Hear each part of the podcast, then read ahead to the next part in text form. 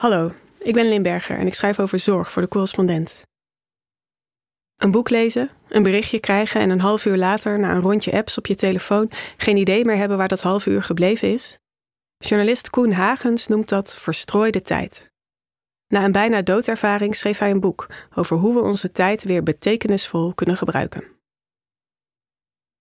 Er is iets geks aan de hand met de manier waarop we omgaan met tijd. Hoewel veel Nederlanders het gevoel hebben dat ze tijd tekort komen en in toenemende mate gebukt lijken te gaan onder stress, gedragen we ons tegelijkertijd alsof we zeeën van tijd hebben. Zo besteden we wekelijks gemiddeld 20 uur zappend, swipend en scrollend op streamingsdiensten en sociale media. Een halve werkweek meer dan de helft van onze vrije tijd. Als we zo weinig tijd hebben, waarom gaan we er dan zo onzorgvuldig mee om? Die vraag staat centraal in Op zoek naar de verstrooide tijd van journalist Koen Hagens. Eerder schreef Hagens een boek over haast. Nu is er een boek over hoe we, ondanks die haast, onze tijd massaal vullen met bezigheden waar we niet bepaald beter van lijken te worden. Hagens zoektocht naar een antwoord is maatschappelijk, maar ook persoonlijk. Eind 2019 belandde hij in het ziekenhuis met een scheur in zijn aorta, enkele millimeters verwijderd van een fatale bloeding.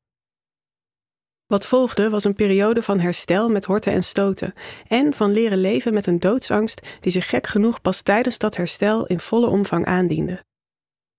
En vooral een periode van diep nadenken over onze tegenstrijdige relatie met tijd. Wie ziek is, komt buiten de gangbare tijd te staan, schrijft Hagens. Uren van de dag, dagen van de week en afspraken in een agenda verliezen hun vanzelfsprekendheid wanneer je er niet langer aan mee kunt doen.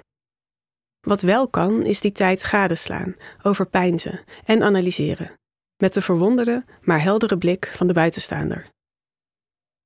Wat Hagens het meest verbaasde tijdens zijn ziekbed en lang daarna, is het feit dat de meesten van ons niets liever willen dan vol aandacht in het leven staan, ten volste genietend van elk moment. En dat we intussen met onze uren, dagen en jaren strooien alsof het confetti is. Je hoeft geen bijna doodervaring te hebben gehad om te herkennen waar Hagens het over heeft, wanneer hij het heeft over verstrooide tijd. Dat is, schrijft hij, een tijd die zo afgeladen is met makkelijke, laagdrempelige prikkels dat hij ertoe neigt alle mogelijke andere activiteiten en gedachten te verdringen. Je zit geconcentreerd te lezen, je telefoon trilt, je leest het binnengekomen bericht, doet uit gewoonte meteen een rondje langs al je andere apps en voor je het weet is er een half uur voorbij waarin je precies niets hebt geleerd, geen enkele originele gedachte hebt gehad en waarvan je niets zult onthouden. Verstrooide tijd is als een zakje chips, vullend maar zonder voedingswaarde. Hij lijkt voor het oprapen te liggen, overvloedig en alomtegenwoordig. Pas wanneer tijd schaars voelt, de dood zit ons op de hielen of minder dramatisch de deadline nadert, houden we op haar te verstrooien. Volgens Hagens strooien we nu meer met onze tijd dan ooit. En dat klinkt actiever dan het voelt. Veel vaker lijkt verstrooide tijd ons te overspoelen. We hebben er geen grip op, hij glipt ons door de vingers, we ondergaan hem passief. De eerste en meest platgetreden verklaring voor de toename van verstrooide tijd is dat het de schuld is van technologie. Smartphones, sociale media, algoritmes die volledig zijn ingericht op het vasthouden van onze aandacht. Ze houden ons in hun greep en slurpen onze kostbare tijd op. En deze verklaring is niet onwaar, zegt Hagens, maar ze is ook niet volledig. Al was het maar omdat critici ook voor de smartphone klaagden over media die onze aandacht kaapten en onze denken onmogelijk maakten. Dat de nieuwe tijddieven uit Silicon Valley zo succesvol zijn, heeft ook te maken met de aard van het beestje. De meeste van ons houden er gewoon van tijd te verstrooien. Chips is lekker. Wegzakken in een aaneenschakeling van Instagram Reels of Twitter tijdlijnen is bovendien een zeer laagdrempelige vorm van escapisme. Het helpt ons moeilijke gedachten af te schudden en onze verveling te verdrijven. Eeuwenlang moest de mens moeite doen om aan verveling te ontsnappen, of was daar simpelweg geen beginnen aan. Nu is het gemakkelijker dan ooit. En dan dienen deze nieuwe mogelijkheden voor verstrooiing zich ook nog eens aan op een moment dat de behoefte eraan groeit en groeit. En dat heeft te maken met wat Hagens de haasteconomie noemt. In de afgelopen decennia is de gemiddelde werkdag intensiever en diffuser geworden. Op ons werk multitasken en schakelen we dat het een lieve lust is. We vouwen onze boterhammen achter ons computerscherm naar binnen. En wanneer de werkdag voorbij is, blijven de mailtjes en appjes gewoon komen. Eenmaal thuis zijn we mentaal zo afgemat dat we enkel nog verlangen naar passieve vrije tijd. Een verlangen dat we, dankzij smartphone en sociale media, onmiddellijk en onophoudelijk kunnen bevredigen. Zo bezien is het dus eigenlijk helemaal geen paradox dat we het gevoel hebben dat we tijd tekort komen en tegelijk onze tijd verstrooien. Het een vloeit voort uit het ander. Wat te doen? Het is waarschijnlijk niet mogelijk om elk moment te beleven alsof het het laatste is. Zelfs Hagens kreeg dat niet voor elkaar. Toch kunnen we proberen onze collectieve en persoonlijke omgang met tijd te verbeteren. Want zouden we onze uren, dagen en weken niet liever besteden aan betekenisvolle activiteiten? Zouden we ze niet liever willen doorbrengen met mensen om wie we geven en denkend aan dingen die er echt toe doen? Zouden we, kortom, niet wat van onze verstrooide tijd willen inruilen voor toegewijde tijd? Dat bereiken is een persoonlijke en een politieke taak, schrijft Hagens.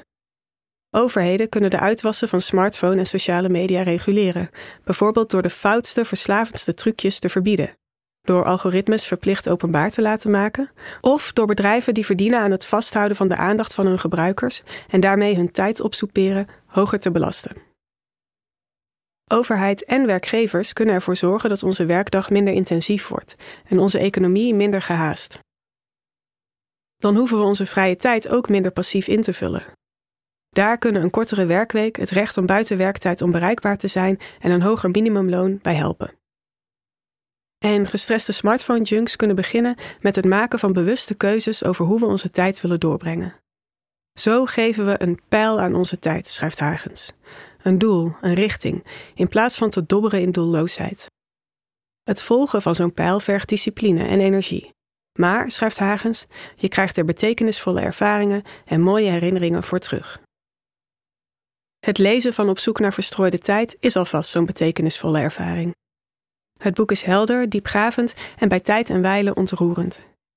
En het laat, net als elk goed boek, zien dat je niet in het ziekenhuis hoeft te belanden om even buiten de gangbare tijd te staan.